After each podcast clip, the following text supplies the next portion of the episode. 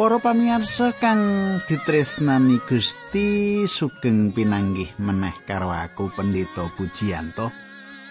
Kaya padatan aku bakal bebarengan karo panjenengan ana ing sajroning adicara margi utami adicara kang wis dadi kelangenan panjenengan. Kepiye kabare panjenengan ketanggu apa panjenengan apik-apik wae mengkono diberkahi Gusti Allah mengkono? Nek panjenengan diberkahi Gusti Allah kelingan yo karo wong-wong piyayi-piyayi sing marake panjenengan dewasa secara karohanen panjenengan diperlengkapi dadi wong percaya kang tenanan. Sugeng midhangetake hati cara iki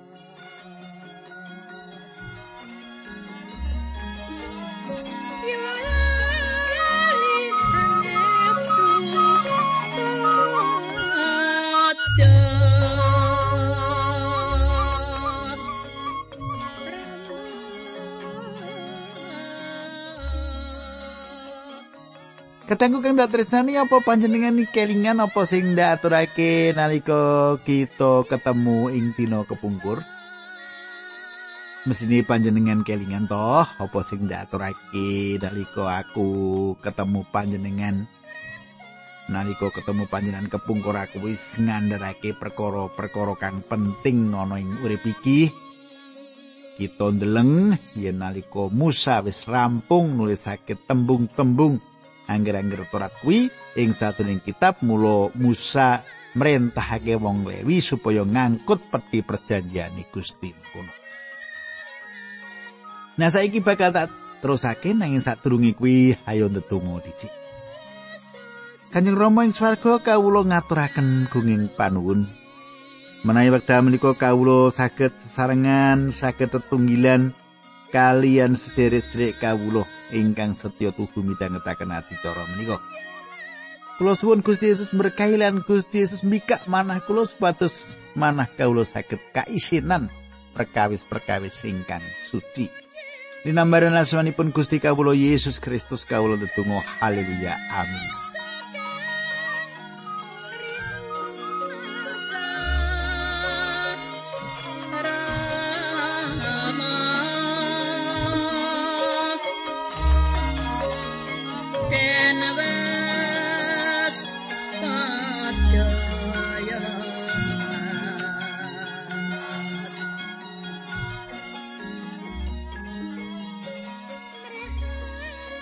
Para pamirsa pasinaon kita ing wektu iki wis ngancik tekan pangandaring Torat bab 32. Pangandaring Torat bab 32.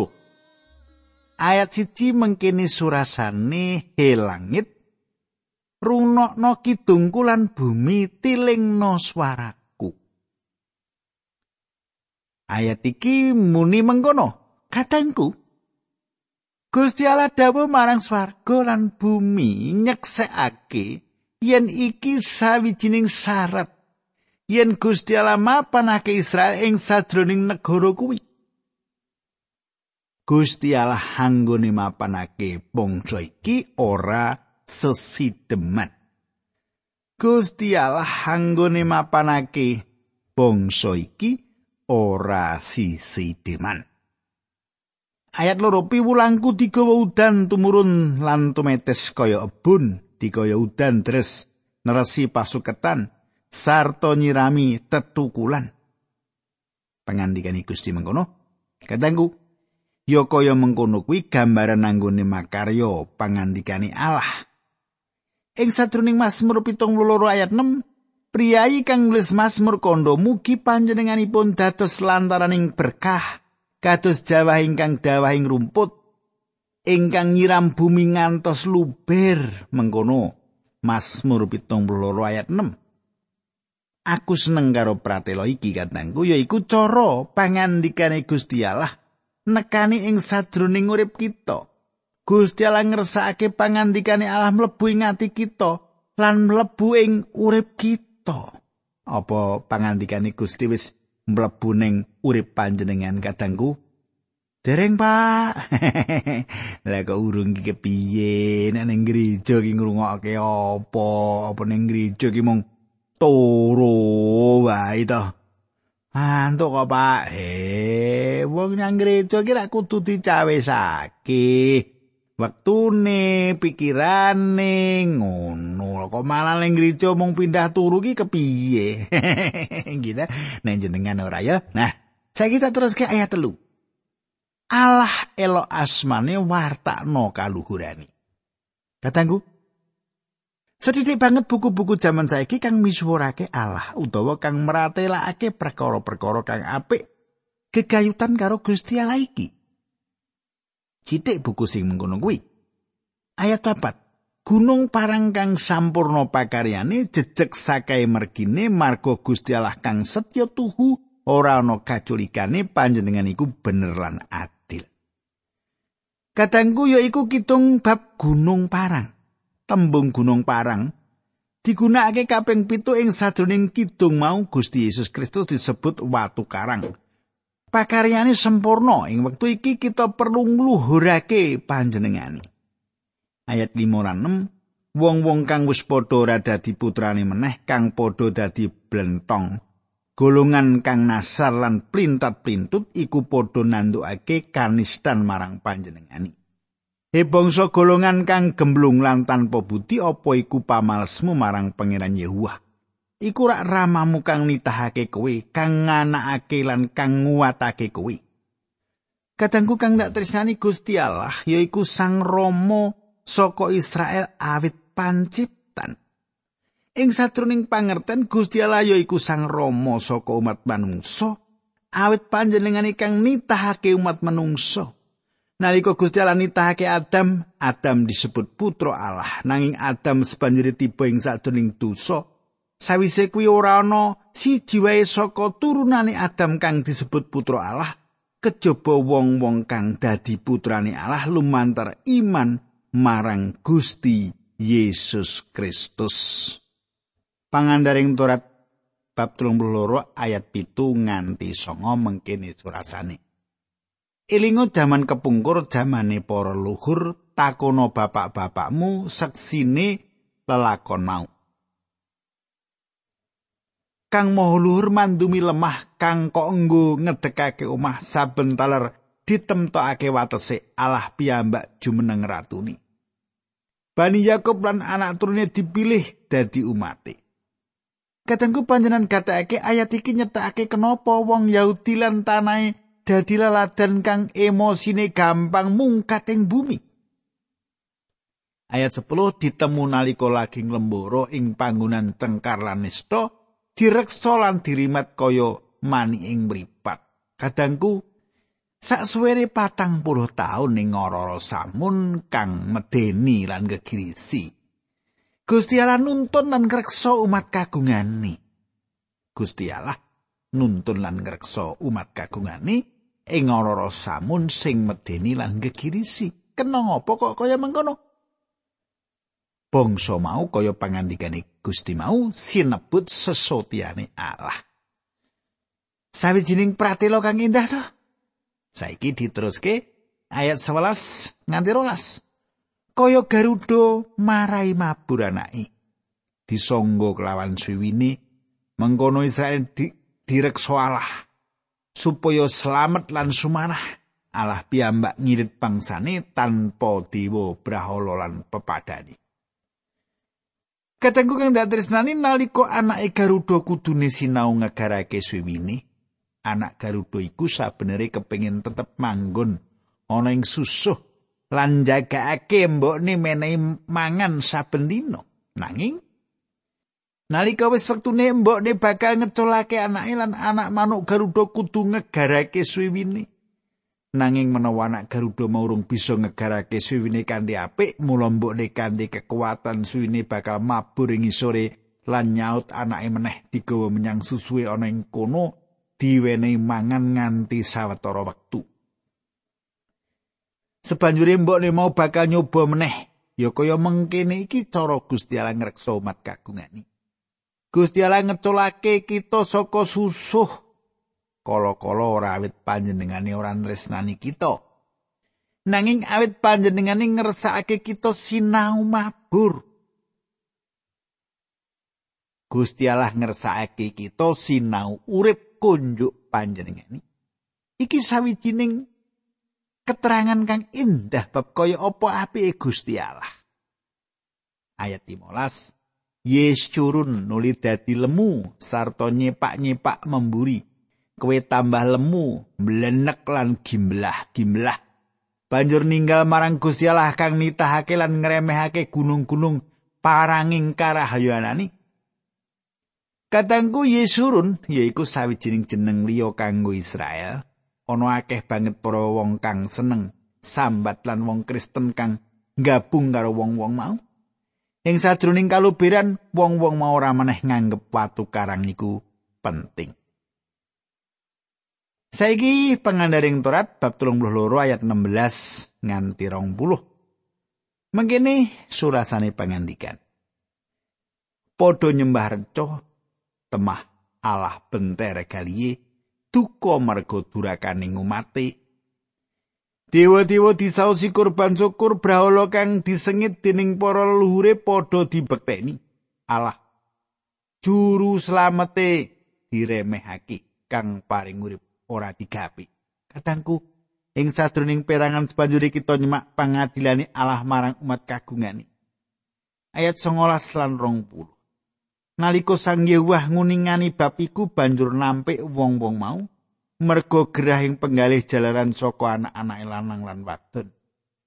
Panjenengan ngendika ingsun bakal ngaling-alingi wedanan ingsun tumrap ing wong-wong iku sun persani bakal kepriye wekasane awit dene iku bangsa kang keblinger anak kang padha ora tau setya tuku.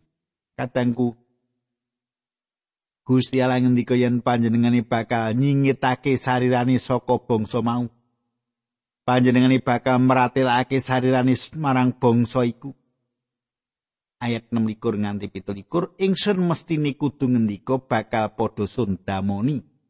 Pangiling-iling marang wong-wong iku bakal sun sirnakake saka antarane para manungsa nanging ingsun sumelang menawa mungsu banjur nuwuhake graing penggalih ingsun.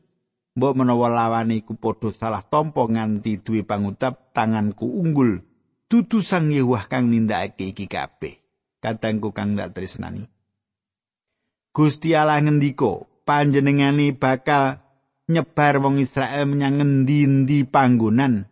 Menawa ora Gusti Allah wedi umat kagungane kena ipat-ipat saka mungsu mungsuhi Saiki ayat 28 nganti 31 mengkene surasani awet dene iku bangsa kang tanpa nalar padha tanpa budi saupama wicaksana. Mesti ngerti perkara iki sarta mikir kepriye bakal wekasane. Apa bisa kelakon wong siji mburu wong sewu lan wong loro bisa ngalake wong separo ewu yen ora wis padha kadol dening gunung parangi lan diulungake dening sang Yehuwa ayat 31 Margo gunung parange wong-wong iku ora kaya gunung parang kita bab iku mungsuh kita kena dadi hakim. Katengku tenan sawijining gambaran kang ngidapi-dapi. Gusti Allah kagungan sawijining kersa gegayutan karo umat kagungane Gusti Allah ngersakake nebus lan nyelametake umat kagungane. Ayat patang puluh telu lan patang puluh papat. He para bangsa padha surak-surak amarga saka umat. Awit dene panjenengan malsake getihe para abdine sarta bakal ndawake piwales marang kang padha nglawan ing panjenengane sarta bakal nganakake pirukun tumrap tahane umati. Nabi Musa tumli rawuh bebarengan karo Sang Yusa bin Nun lan nglairake sake tetembunganing kidung mau ing sak pangrungune bangsa iku. Yusa benon yaiku Yusa utawa Yusua. Ayat patang puluh lima nganti patang puluh pitu mengkini surasani. Sawise Nabi Musa rampung guni nglairake sakai tetembungan mau marang wong Israel kabeh, banjur mangandikani mengkene kowe padha ngatekno apa kang wis ndak pituturake marang kowe ing dina iki supaya kok perintahake marang anak-anakmu padha kono nglakoni kanthi temen-temen sakai pangandikane angger-angger Torat iki. Awit diniki dudu tembung kang tanpa isi tumraping kowe. Nanging iki uripmu lan sono pangandika iki bakal dawa umurmu ana ing tanah kang kok parani bakal kok enggoni kelawan nyebrang ing bengawan Yarden. Katangku, sepisan maneh kalungguhan ing negara iku bakal gumantung marang anggone bangsa iki bangun turut. Ayat patang bolu patang songo nganti seket siji mengkini surasani. Ing dina iku uga pengiran Yewah ngendika marang Nabi Musa mengkini. Sira munggah menyanging pegunungan Abarim menyang ing gunung Nebo kang ana ing tanah Moab ing penere Yeriko. Banjur sira nyawang tanah kanan kang bakal sun paringake marang wong Israel dadi darbeke. Sira bakal mati ana ing gunung kang sira unggah iku supaya sira kak klumpukake karo para luhurira padha kaya Harun kakangira kang iya wis kelakon mati ana ing gunung Hor kaklumpukake karo luhure iku marga sira ngowahi kasetyanira marang ingsun ana ing satengahe wong Israel ing satedhake sumber meribalan kadesi ing pesamuan Sin lan merga sira ora nucake ingsun ana ing satengahe wong Israel Kadangku Musa minangka wakil saka angger-angger Torat kang menehi angger-angger ora bisa mlebu negara kuwi. Angger-angger Torat yaiku sawijining sarana mratelake dosa. Ora sarana nyucakake dosa, angger-angger Torat ora bisa nyelametake. Angger-angger Torat ora bisa nuntun Musa mlebu menyang negara kuwi. Saiki kita ngancik ing kitab pengandering Torat 33. Ayat 1. Iki berkah kang kaparingake dening Nabi Musa. Abdine Gusti Allah marang wong Israel sadurunge situ. Musa miwiti saka Ruben ayat 6. Karben Ruben urip aja mati nanging wonge cik ben setitik cacahe. Musa ndedonga supaya Ruben ora ilang lan dijarake gungunge bangsane setitik wae ing Israel. Ayat itu, lan iki kang tumrap Yehuda unjuk o. Do Yewah muga miarsaaken unjuk Yehuda saha mugi paduka wangsulake dhateng bangsanipun asta paduka mugi nyarirani peranganipun saha paduka mugi kersa mitru ing lawan mengsah-mengsaipun Yehuda yaiku talar bangsa kerajaan saka ngendi sang Mesih bakal rawuh ayat 10 11 Sami mulangaken peranatan paduka dhateng Yakub saha angger-angger paduka dhateng Israel. Sami kekutuk wangen-wangen wonten ing karsa paduka so nyaos akan kurban ingkang kabesmi sedaya wonten ing misbah paduka.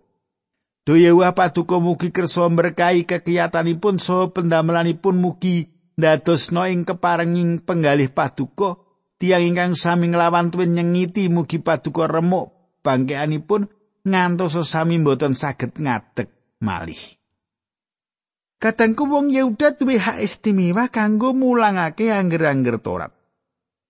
Wong-wong bakal diberkahi lumantar Lewi, berkah bakal teko ing Israel lumantar Yusuf yaiku Ifraim lan Manase. Bab telung puluh telu ayat patlikur tumrap aser pangandikani. Aser iku binerkahono ana ing antarane para putra dadi kekasih para sedulur lan nyelupno sikile ing lengo. kadangku iki pancen yang semaki.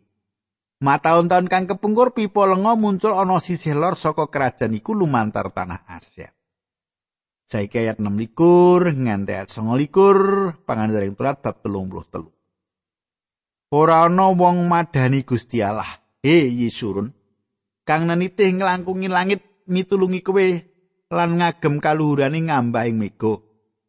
Gusti Allah kang langgeng iku dadi pangaupanmu lan ing sak ngisormu ana bau-bau kang langgeng panjenengane nundungi mungsuh saka ngarepmu sarta ngendika tumpesen. Kalawan tentrem pamanggone Israel sumber Yakub lestari ora kare itu ana ing negara kang kadunungan gandum lan anggur malah langite nurunake bun. Rahayu kowe he Israel sapa kang madani kowe?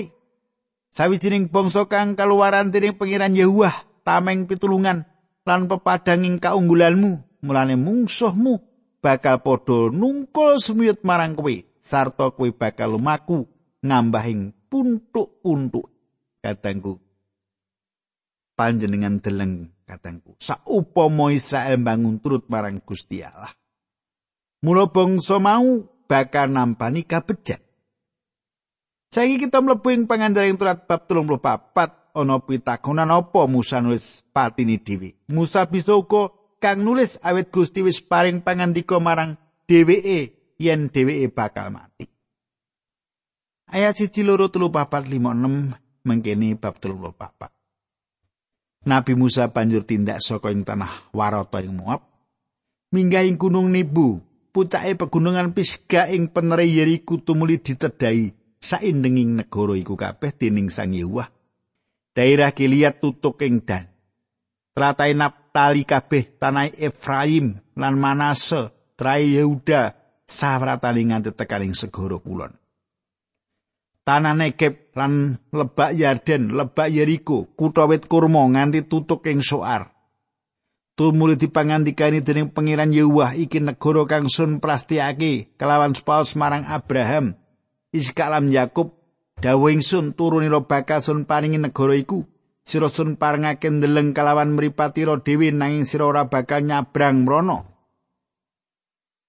Nabi Musa abdi sang Yewah banjur sedo ning kono ing tanah Moab miturut pangandikane pangeran Yewah.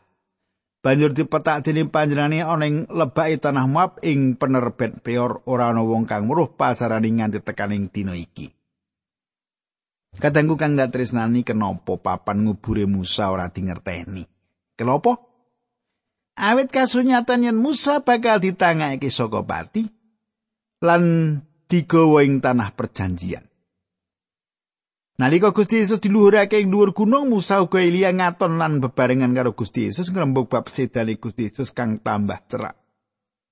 Dadi Musa pancen mlebu ing tanah perjanjian angger-angger turat ora bisa nuntun Musa menyang negara iku nanging Gusti Yesus kang nuntun Musa mlebu. Ayat pitu nganti wolu. Nalika sedo Nabi Musa Yuswani 120 tahun. Paningali durung blawur lan durung ilang kekiyatani. Wong Israel tumuli padha nangisi Nabi Musa ora tanah Warata Moab lawase 30 dina. Kadangku kanthi sawijining catatan kang mrihatinake kita nutup kita pangandaring turat iki nanging kita bakal ana bebarengan karo wong-wong Israel ngleboni tanah perjanjian sadurunging kitab Yosua atau Yusa mengko. Awit saka kuwi kita wis rampung anggon kita sinau kitab pangandaring turat. Ing patemon kita seterusé kita bakal nyemak kitab Yosua. Awit saka iku panjenengan kudu ora ngunduh aja nganti ana kesibukan ganti mengkono panjenengan ora iso ngrungokake keterusane apa kang panjenengan pirengake dina iki. Nah katangku, sadurunge ndedonga aku ngaturake salam kanggo Pak Pujiono. Pak Pujiono, jenenge kaya aku mengono karo aku Yanto ya.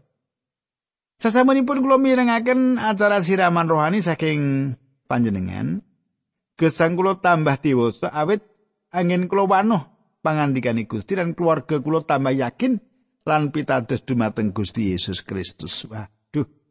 Matur nuwun Pak Puji, kados pundi Pak Puji panjenengan. Wah, muga-muga kita saged pinanggih nggih Pak nggih. Nek katengku ayo kita ndedonga sesarengan. Duh Kanjeng Rama ing swarga kawula ngaturaken kuing panuwun nayo dal menika kawula saged sinau kayektosan pangandikan patuko kalau nyuwun sang roh suci ingkang njlentrehaken dhateng sedherek kawula menika. Dinambaran asmanipun Gusti kawula Yesus Kristus kawula tunggu. Haleluya. Amin